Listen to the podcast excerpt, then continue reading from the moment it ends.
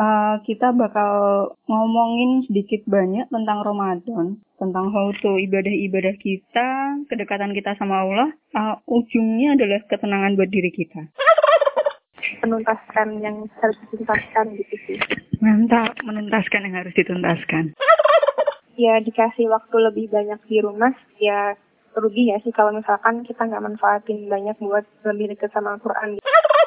Sebenarnya uh, Al-Quran itu menurutku mood booster sih. Skill baru mungkin lebih ke belajar masak menu-menu baru. Karena Anita ini terkenal sebagai sosok yang tenang gitu ya, benar-benar tenang dalam kondisi apa pun. Pernah marah nggak sih, Nit?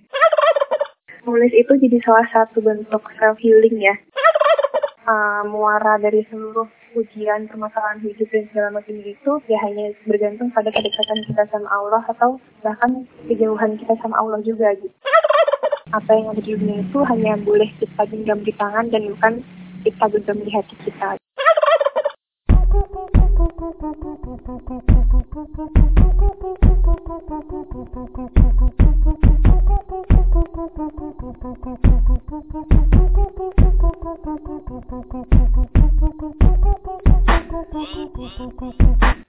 Halo, Assalamualaikum warahmatullahi wabarakatuh. Jumpa lagi sama ber RBP ya. RBP kali ini episode spesial. Uh, kita bakal ngomongin sedikit banyak tentang Ramadan, tentang how to ibadah-ibadah kita, kedekatan kita sama Allah. Uh, ujungnya adalah ketenangan buat diri kita. Nah, pembicara pada kali ini, oh ya sebelumnya perkenalkan dulu saya Fadilah, host pada kesempatan kali ini. Baik, uh, langsung aja kita kenalan sama narasumber kita pada hari ini, anggota dari Pendekar Literasi juga, Anita Safety. Silahkan, Anita. Halo. Halo. Assalamualaikum warahmatullahi wabarakatuh. Waalaikumsalam warahmatullahi wabarakatuh. Iya, uh, gimana dulu? Perkenalan dulu atau gimana? Perkenalan dulu aja nggak apa? Ya, uh, sebelumnya teman-teman kenalkan nama saya Anita Safety Astuti. Kesempatan kali ini mau sedikit me, apa ya, men-sharingkan gitu tentang gimana sih keadaan ketika Ramadan ini gitu. Sebenarnya kalau untuk uh, Ramadan ini nggak uh, jauh beda ya sama masa-masa sebelum Ramadan juga gitu. Karena mungkin nggak uh, bisa keluar juga di rumah aja dan kebetulan posisi sekarang juga lagi di rumah jadi mungkin kesibukannya lebih banyak ke keluarga gitu ngurusin ponakan terus juga menuntaskan yang harus dituntaskan gitu sih. Mantap, menuntaskan yang harus dituntaskan. Iya. Kabarnya gimana sekarang, Nit? Apa nih? Kabar apa? Kabar, kabar semuanya kabar. Kabar Anita, kabar keluarga, sehat-sehat semua. Iya, ya alhamdulillah semuanya sehat dan ya gitu sih masih sama, masih sama sebelum uh, masa pandemi juga gitu dan mungkin lebih udah hampir dua bulan sih udah di rumah gitu setelah sebelumnya kan sering di Semarang. Hmm. Jadi berarti waktu pengumuman Anita itu orang Solo ya? Uh, ya tepatnya Sukoharjo sih. Oh tapi sama Solo daerahnya beda gitu? Beda. Uh, kalau Sukoharjo itu kabupaten sendiri. Oke. Okay. Uh, itu waktu pengumuman pertama pasien pertama itu kan Semarang sama Solo duluan Solo ya? Itu kondisi waktu itu di Semarang apa udah di Solo? Itu udah di Solo sih. Udah di Solo. Berarti setelah itu udah nggak ada ke Semarang ke Semarang ya? Iya, karena waktu itu sebenarnya cuma niat pulang berapa hari doang, tapi mm -hmm. karena uh, ada surat edaran itu dari dari universitas. Dari Undip ya. Mm -hmm. Terus jadinya nggak uh, berani balik lagi ke Semarang gitu. Jadi oh. semuanya diambil alih ke sini. Tapi emang udah bawa perlengkapan semua yang dibutuhin ya? Maksudnya kayak laptop, hal-hal penting lainnya udah dibawa. Pas dilalas rezekinya udah dibawa ya? Kalau laptopnya udah sih, cuman kalau berkas-berkas lain-lain sih waktu itu belum, tapi minta tolong sama temen buat paketin, dipaketin ya. Hmm, oh, ada so baik baik baik. Hmm. Uh, Oke, okay. uh, kalau misalnya kita bahas ke topik-topik Ramadan aja ini ya. Uh -uh. Dua bulan udah di rumah. Jadi sebelum masuk Ramadan tuh kan ada sebulanan di rumah tuh. Iya. Yeah. Uh -uh. Nah, dengan keadaan Ramadan di rumah aja ini, uh, ada targetan khusus nggak sih dari Anita yang kiranya berbeda gitu sama targetan-targetan sebelum ini? Targetan-targetan Ramadan sebelum ini maksudnya? Oke, okay, kalau targetan khusus dari Ramadan sebelum ini berarti tahun kemarin ya? Iya. Iya, ada Ke? sih uh, targetan khususnya gitu. Terutama buat Uh, mungkin kalau tahun kemarin karena bisa apa ya bisa bertemu sama banyak orang tahun ini kan nggak bisa gitu hmm. jadi lebih banyak targetannya dari segi online sih sebenarnya hmm bisa dijelasin tuh maksudnya tuh hmm. oke okay.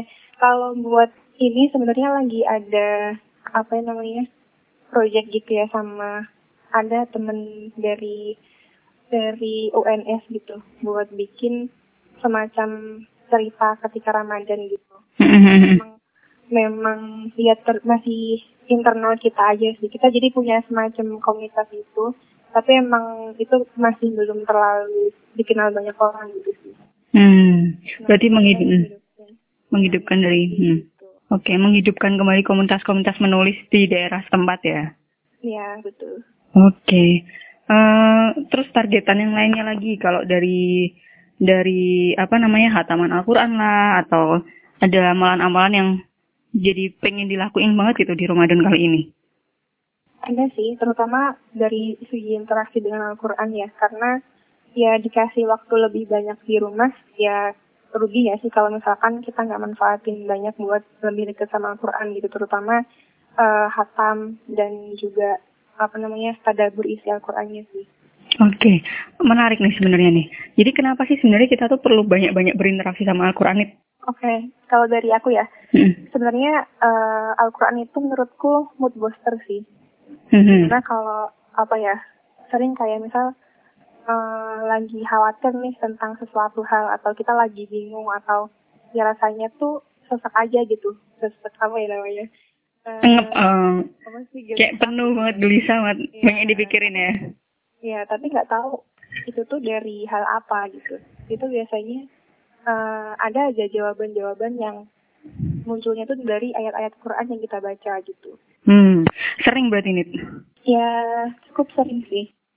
Itu yang akhirnya nanti jadi tulisan di WA Story atau di Tumblr ya? ya, bisa jadi salah satunya itu. Masya Allah. Ditunggulah nih karya-karya selanjutnya setelah setelah karya yang kemarin. Ya, amin amin. Terus uh, pengaruhnya nih setelah kita memahami, bukan memahami sih, ibarat kata waktu kegelisahan-kegelisahan kita ternyata di Al-Quran tuh Al-Quran ngasih jawaban gitu. Apa sih sebenarnya yang Nita rasain, Nita rasain gitu setelah mendapatkan jawaban itu?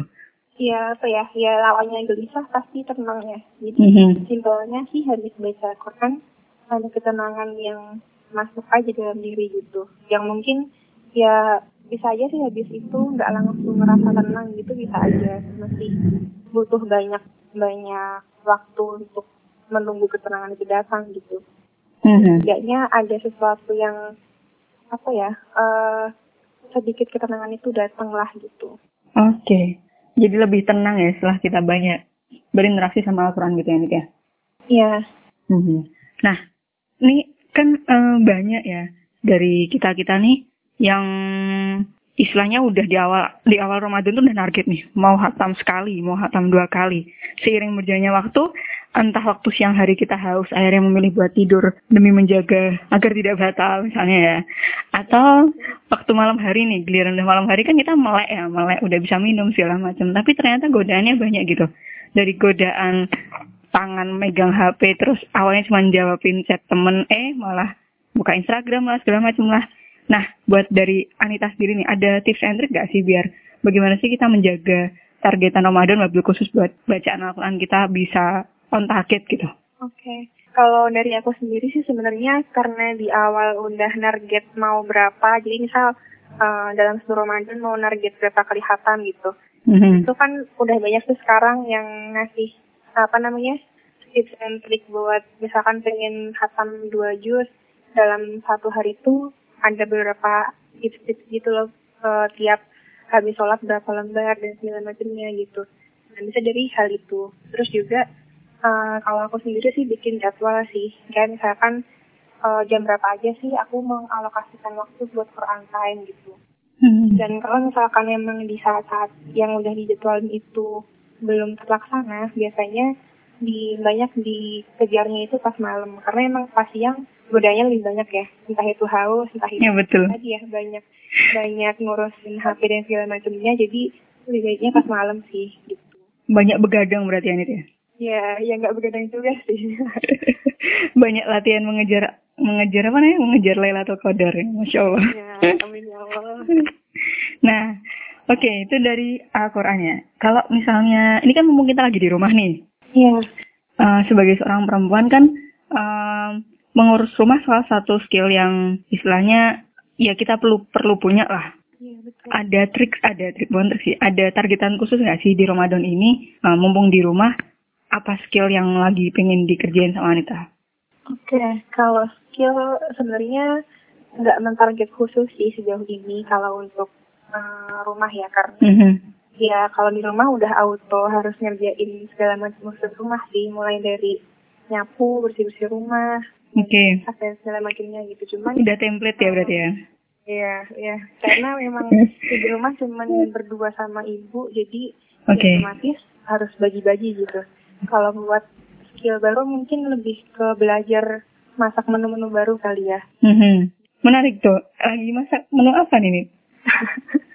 Ya apa sih? Ya mungkin nggak nggak sewow teman-teman di luar sana yang macam-macam gitu ya. Mungkin lebih ke makanan-makanan ringan sih kayak misal pakai susu atau martabak gitu. Masya Allah udah bisa berarti nih bikin pai susu nih. ya udah bisa. Boleh lah. Masih begitu Boleh lah dikirim ke Semarang lah kapan-kapan lah. waduh ya. Gimana ya lewatnya? Nah, nih kan em, selain kesibukan-kesibukan Ramadan ya, kan kita kenal udah lama nih nih dari kita di Insani, di Rohis, di Insani, kemudian kita di ya satu KKN, satu tempat KKN gitu, satu kamar juga di KKN. nah, terbongkar nih Iya. Terus, eh, nah, setahu dan sekenal kita Lila selama ini sama Anita gitu. Karena Anita ini terkenal sebagai sosok yang tenang gitu ya, benar-benar tenang dalam kondisi apa pun. Pernah marah nggak sih, Nit? Waduh, marah pernah lah. Ya manusia biasa pasti pernah marah. Masya Allah. Terus cara cara menyimpan kemarahan itu agar tetap tenang bagaimana nih? Bagi tips and triknya dong.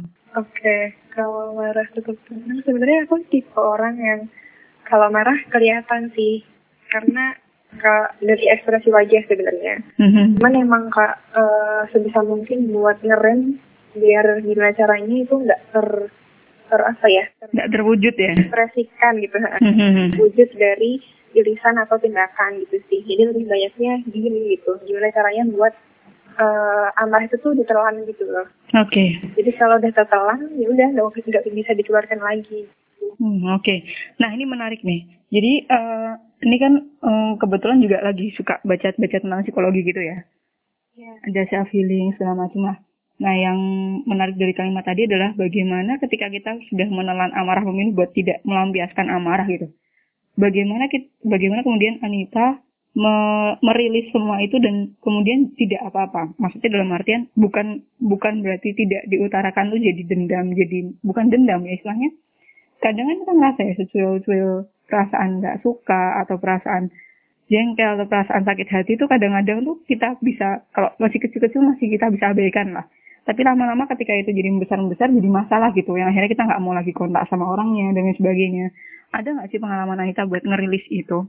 Atau tips and triknya biar ketika kita memang memilih buat nggak mengutarakan atau memilih buat meredam semua amarah ya udah itu berarti meredam bukan berarti menumpuk gitu istilahnya. Ya kalau dari aku sendiri sih eh, sebenarnya nulis itu jadi salah satu bentuk self healing ya. Mhm. nulis di WA story gitu. Mhm. story karena kalau di media yang lain kan misalnya di Tumblr kalau Tumblr masih kadang-kadang sih. Kalau dulu kan zaman-zaman dulu tuh masih seringnya di line gitu. Mhm. itu kenapa di WA story? Karena kalau di WA eh, lebih terbatas orang yang bisa ngebaca juga nggak ada yang bisa nge-likes ataupun komen gitu. Ya komen bisa sih ke likes ataupun ya eh, apa ya bentuk-bentuk bentak apresiasi apresiasi ya Iya betul. Jadi lebih fokusnya ya emang itu buat uh, sekedar self healing aja gitu, buat menyampaikan perasaannya tapi tanpa uh, apa ya me, melukai me- apa namanya? tanpa perlu tanpa perlu membenturkan dengan sosok yang menjadikan konflik ya Iya betul. Jadi kayak ya udah itu universal aja gitu kesan orang gitu. Oh, jadi ini teman-teman semua yang teman-temannya Anita juga nih, hati-hati nih. Kalau misalnya ada apa-apa nih, terus ada WA story-nya nih, bisa jadi itu adalah bagian dari kita yang sedang membuat Anita marah. ya jadi gitu tapi sebenarnya nggak nggak kayak gitu juga sih kan memang itu dari uh, apa sih hikmah dari orang lain yang cerita gitu. Oke okay, setuju sih. Jadi aku juga gitu. Setuju setuju. Emang uh, apa namanya menulis itu eh tulisan itu bagi seorang penulis itu bukan berarti bagi diri apa bukan berarti berasal dari dirinya sendiri sih. Ya betul. Oke. Nah tadi kan udah disampaikan tuh kalau misalnya in, um, banyak banyak interaksi sosok penangnya Anita tuh sedikit banyak mungkin terlalu banyak justru malah dari interaksi dengan Al-Quran ya pengaruhnya Iya betul. Nah yang mau nah, dari bacaan juga sih sebenarnya. Nah ini nih yang mau tak mau mau saya tanyakan nih. Kalau misalnya selain dari Al-Quran itu, tadi dari singgung sedikit dari bacaan nanti sekalian dijelasin aja jenis bacaannya sama kemudian hal-hal lain yang mempengaruhi hingga Anita Anita terkenal jadi sosok yang pribadi yang tenang gitu. Hmm, kalau dari bacaan sebenarnya uh, nggak terlalu suka baca bacaan yang berat juga sih. Lebih mm-hmm. banyaknya sebenarnya tentang self improvement atau uh, kalau novel seringnya sih novelnya beliau gitu. Karena mm-hmm. novelnya beliau itu terkenal dengan nilai-nilai moral yang baik juga gitu, terutama untuk bagaimana akhirnya kita membentuk keteguhan hati, bagaimana kita membentuk uh, gimana sih kita menyikapi masalah itu dengan pikiran yang jernih gitu dan terutama tentang hidup sih gitu. Mm-hmm. Terus juga selain itu hmm, mungkin buku-buku tentang apa ya uh, agama juga ada sih, tapi nggak terlalu banyak mendominasi sebenarnya gitu karena hmm, apa ya kurang suka baca sampai akhir kalau soal hal yang cukup berat sebenarnya gitu. Terus uh, selain tentang bacaan, mungkin yang mempengaruhi kesenangan itu tentang ini sih uh, pengalaman sebenarnya pengalaman hidup juga gitu. Pengalaman hidup menarik nih. Bisa dijelasin sedikit banyak? Apa ya? Ya apa sih? Atau aku orangnya uh, orangnya sebenarnya lebih ke introvert ya dan seringnya itu mengamati orang gitu. Hmm. mengamati orang gitu. Jadi dari cerita-cerita hidup orang lain itu ya alhamdulillahnya juga sering diceritain sama orang sih di tempat curhat gitu-gitu. Mm-hmm. Nah sedikit banyak dari itu uh, bisa ngambil pelajaran nih ketika aku tuh dapat masalah kayak gitu tuh aku harusnya kayak gimana sih kayak gitu. Mm-hmm. Masya Allah. Bikin akhirnya berefleksi ke diri sendiri dan ya akhirnya menyadari kalau ya semua itu tuh bermuara lagi kepada Allah gitu bentuk uh, muara dari seluruh ujian permasalahan hidup dan segala macam itu ya hanya bergantung pada kedekatan kita sama Allah atau bahkan kejauhan kita sama Allah juga gitu. Masya Allah. Jadi salah satu barokah dari jadi teman ceritanya orang-orang tuh banyak ya. Salah satunya tadi kita sendiri dapat pelajaran, bukan pelajaran sih, dapat dapat point of view ketika nanti kalau dapat cobaan atau ujian atau permasalahan yang serupa mirip-mirip kita jadi lebih siap buat menghadapi. Iya betul. Oke, okay. oke. Okay. Uh, Nip. Iya. Sampai sini dulu yang sesi satunya.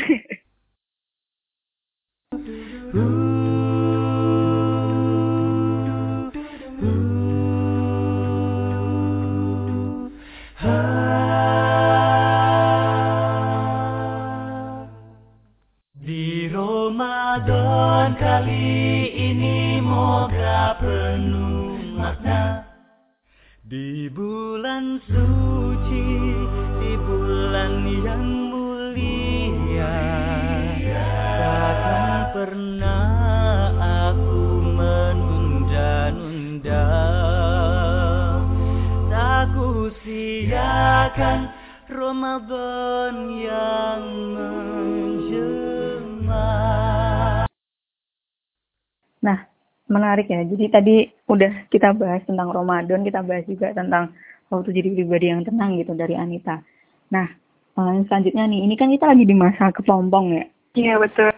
Lagi kalau ibarat kata kalau uh, banyak apa banyak yang bilang tuh masa kepompong yang di masa ini nantinya kalau kita udah lewat ya kita bisa jadi kupu-kupu yang istilahnya bisa nebar keindahan gitu buat di muka bumi ini. Nah berkaitan sama ini nih sama masa kepompong ini nih, kira-kira nih uh, sekalian aja ya sekalian sama kita sebagai statusnya sebagai seorang anak muda gitu kira-kira nih tantangan kita di masa depan itu buat buat memajukan Indonesia itu buat membangun peradaban di Indonesia itu tantangannya apa aja terus apa yang bisa kita lakukan di masa kepompong ini buat menuju ke sana gitu. Oke. Okay. Ya sebenarnya kalau bicara soal tantangan gitu, mungkin kalau menurutku lebih ke daya juang sih. Jadi hmm. juang kita sebagai anak muda itu buat ya pertama pasti selesai dengan diri kita sendiri dulu gitu. Mungkin kan orang-orang banyak yang mikir kalau untuk bercita-cita besar kita harus menyelesaikan satu tahap ini, tahap itu dan segala macamnya gitu. Tapi uh, ketika kita udah beli segala macam impian kita untuk entah itu untuk diri sendiri ataupun untuk kebermanfaatan yang lebih luas gitu apalagi untuk peradaban yang lebih baik ya tadi katanya. Tapi sebenarnya udah sejauh mana sih kita uh, punya daya juang untuk mewujudkan itu semua gitu. Ya itu menurutku yang jadi tantangan kita saat ini sih. Karena ya nggak bisa dipungkiri ya kita seringnya uh, nulis banyak banget impian pengen itu tapi untuk menuju ke sananya itu yang kadang sering gampang nyerah gitu. Mm-hmm. Apalagi dengan kita sekarang dengan dimanjakan dengan banyaknya teknologi yang ya semuanya serba cepat dan serba mudah gitu. Banyak yang akhirnya terlalu mengandalkan dan akhirnya ya tadi ya juang kita rendah gitu. Mm. apalagi sekarang dengan di masa kita yang di di rumah aja gitu kan, yang kita uh, lebih banyaknya berinteraksinya dengan orang-orang tertentu aja dan itu di dunia maya gitu lebih banyaknya ya. Mungkin uh, yang bisa kita lakukan untuk apa skill kita untuk itu kalau menurutku sendiri lebih banyak baca sih gitu.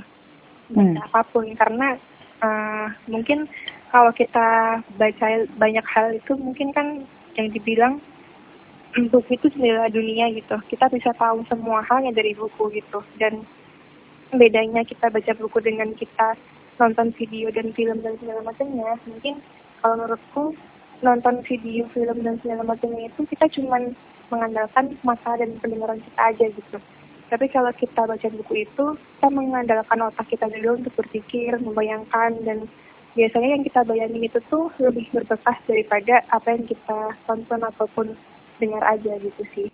Oh mantap. Jadi tadi ya apa namanya tentang daya juang kita di sebagai anak muda gitu. Sama ya, di masa-masa seperti ini karena interaksi kita yang terbatas pada orang yang segelintir orang selain sama yang di rumah ya. Tentu saja sama lingkaran istilahnya inner circle kita aja ya yang sering kita hubungin. Maka ya. buat menambah up pengetahuan kita pemahaman kita yang bisa kita lakukan adalah banyak-banyak membaca ya. Iya betul.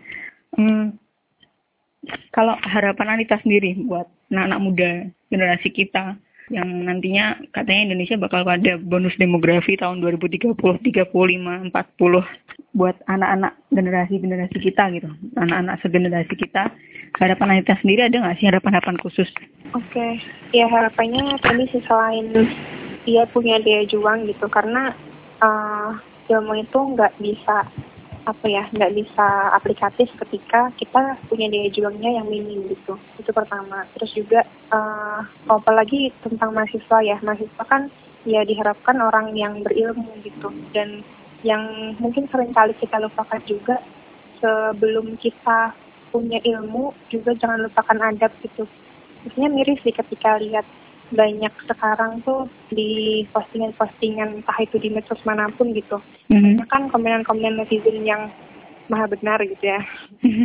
Sekali mereka mengomen itu hanya dengan berdasarkan perasaan mereka aja gitu. Tapi tanpa ada empati di sana gitu. Bahkan uh, lagi ada yang kasus viral ya yang ya, Yang itu ya.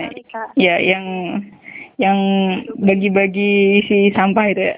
Iya betul. Itu kan salah satu contoh pemuda yang ya bisa dibilang kurang baik lah untuk uh, pemuda kita masa depan gitu ya. Dan ketika kita dimudahkan dengan banyaknya akses internet dan segala macamnya, sebisa mungkin manfaatkanlah itu dengan sebaik-baiknya gitu. Viralkanlah yang baik-baik yang bisa dimulai dari diri kita sendiri dulu gitu. Mm -hmm. Itu sih mungkin kurang lebihnya dan juga jangan lupa uh, terus perdekatkan diri dengan Tuhan gitu karena gimana pun ya dunia ini dunia ini tuh cuma sementara aja gitu apa yang ada di dunia itu hanya boleh kita genggam di tangan dan bukan kita genggam di hati kita gitu. Masya Allah itu susah tuh. Itu susah itu. Bagaimana menjadikan dunia hanya dalam genggaman tangan tidak sampai ke hati itu susah itu. Iya betul. Oke, okay. uh, eh, terus ada ada lagi nggak nih selain yang udah disampaikan tadi? Oke, kalau harapan lainnya sih mungkin uh, apa ya lebih lebih banyak mengasah diri untuk kreatif sih karena uh, dari dari apa ya beberapa artikel yang aku baca tentang generasi milenial gitu mm-hmm. itu kan sebenarnya mereka punya potensi untuk lebih kreatif gitu mm. karena keadaan mungkin uh, kita yang kurang bisa me, apa ya menyeimbangkan diri itu malah justru kebanyakan kita terlena dengan teknologi dan akhirnya menggampangkan sesuatu dan ya udah uh, tanpa ada inisiatif atau kekreatif kekreativitasan yang lebih gitu yang seharusnya bisa kita lakukan di situ gitu. Padahal ketika kita bisa kreatif, entah itu dalam hal apa pun ya, entah itu hmm. dalam pekerjaan dan segala macamnya, itu mungkin kita bisa menghasilkan karya yang jauh lebih banyak manfaatnya gitu daripada kita hanya mengandalkan apa-apa yang sudah ada sekarang gitu. Masya Allah. Oke, okay. note banget nih tadi nih, daya juang, terus bagaimana kita jadi pribadi yang berilmu dan beradab, kemudian kita jadi orang-orang yang kreatif gitu ya. Mungkin sedikit tambahan, mungkin ini kalian ya, uh, ada hubungan sama artificial intelligence juga kali ya. Oke, okay, iya betul. Buat kita adaptif dan lain sebagainya kali ya. Iya. Oke. Okay. Ya, apalagi itu tantangan juga sih mungkin ya yang nanti ketika habis habis ini kita bakal kembali lagi ke masa normal uh, harapannya ya. Dan yang biasanya mungkin terlena dengan apa sih eh, masa-masa uh, di rumah yang serba nyaman gitu. Mm-hmm. Dan akhirnya kita kembali lagi ke dunia luar yang mungkin akan banyak uh, apa ya problematika tersendiri lagi gitu yang ya ketika kita nggak bisa adaptif dengan semua keadaan itu ya kita yang akan lebih berat lagi untuk melangkah ke jenjang apa pun gitu. Hmm, benar benar benar. Jadi apa namanya? Uh, kalau misalnya kemarin kita waktu jarang di rumah susah dapat liburan dan sebagainya pengen di rumah rebahan dan sebagainya sekarang kita lagi dikasih nikmat bisa rebahan bisa banyak-banyak di rumah tapi nanti jangan lupa ketika udah sampai waktunya kita harus kembali lagi beraktivitas di luar ya nih ya iya betul benar benar oke uh, sebelum masuk ke penutup nih mungkin nanti bisa di closing sekali di penutup closing statement gitu ya. Ada yang mau di pesan gitu buat teman-teman yang dengerin ini semua gitu. Baik dari Ramadan ya baik dari me, tadi ketika kita ada di masa rumah ini uh, apa namanya bagaimana kita bersyukur dengan setiap momennya gitu. Ada yang mau dipesan-pesan gitu sama teman-teman semua nih? Oke. Okay. ya kalau pesannya sih um, jangan lupa untuk selalu meluaskan sabar dan syukur gitu karena dengan kesabaran dan kesyukuran lah kita bisa banyak lebih menerima takdir dan dari dari penerimaan kita terhadap takdir itulah yang membuat kita lebih tenang gitu. Yang di masa saat ini apa sih yang lebih kita cari dan butuhkan selain ketenangan gitu kan? Karena ya nggak bisa dipungkiri ya uh, dengan keadaan yang serba terbatas, ekonomi yang melemah dan segala macamnya, pasti banyak hal yang kita nggak duga dan nggak kita inginkan di luar sana yang mungkin membuat kita jadi khawatir dan segala macamnya gitu mungkin dari segi pekerjaan dari segi uh, apa sih kuliah tugas akhir dan segala macamnya gitu maka mm. ya yang pasti syukuri dan sabari aja semuanya gitu karena Allah pasti nggak akan ngasih ujian melebihi kapasitas yang bisa diampu oleh hambanya kan mm. ya semua ini pasti akan berakhir dan uh, apa ya jangan pernah berputus asa untuk uh, selalu berharap yang terbaik dan berdoa yang terbaik gitu. Dan juga jangan lupa men, men, uh, manfaatkanlah masa-masa Ramadan saat ini untuk memberikan yang terbaik untuk Allah gitu. Karena tinggal sebentar lagi ya Ramadan usai gitu yang belum tentu kita akan di, dicukupkan umurnya sampai Ramadan berakhir gitu. Jadi kita akan diwafatkan dalam waktu kapan aja dan nyesel nggak sih kalau ketika kita dikasih kesempatan Ramadan dengan berbagi banyak waktu, tapi justru malah kita sia-siakan begitu aja gitu. Itu sebenarnya nasihat lebih sendiri juga sih. Hmm. Oke. Okay. Oh, closing statement sekalian kita? Oke, okay, ya itu sih jangan lupa untuk selalu uh, memaksimalkan kesempatan-kesempatan yang udah dikasih sama Allah gitu. Entah itu kesempatan yang menurut kita nggak nggak apa ya nggak baik maupun menurut kita baik gitu karena yang pasti yang diberikan Allah tuh selalu yang terbaik buat kita. Masya Allah. saja mohon maaf atas segala kekurangan. Terima kasih atas kesempatan yang diberikan ya sama terima kasih juga Lila sebagai host uh, kali ini gitu. Oke, terima kasih banyak atas waktunya Anita. Terima kasih banyak juga buat teman-teman semuanya. Mudah-mudahan yang mendengarkan juga buat kita sendiri ada manfaatnya, ada perbaikan-perbaikan ke depannya. Semoga selalu sehat walafiat dalam lindungan Allah.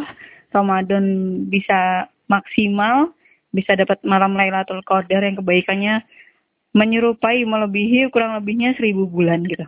Oke, uh, kurang lebihnya saya sebagai host undur diri dan mohon maaf. Wassalamualaikum warahmatullahi wabarakatuh.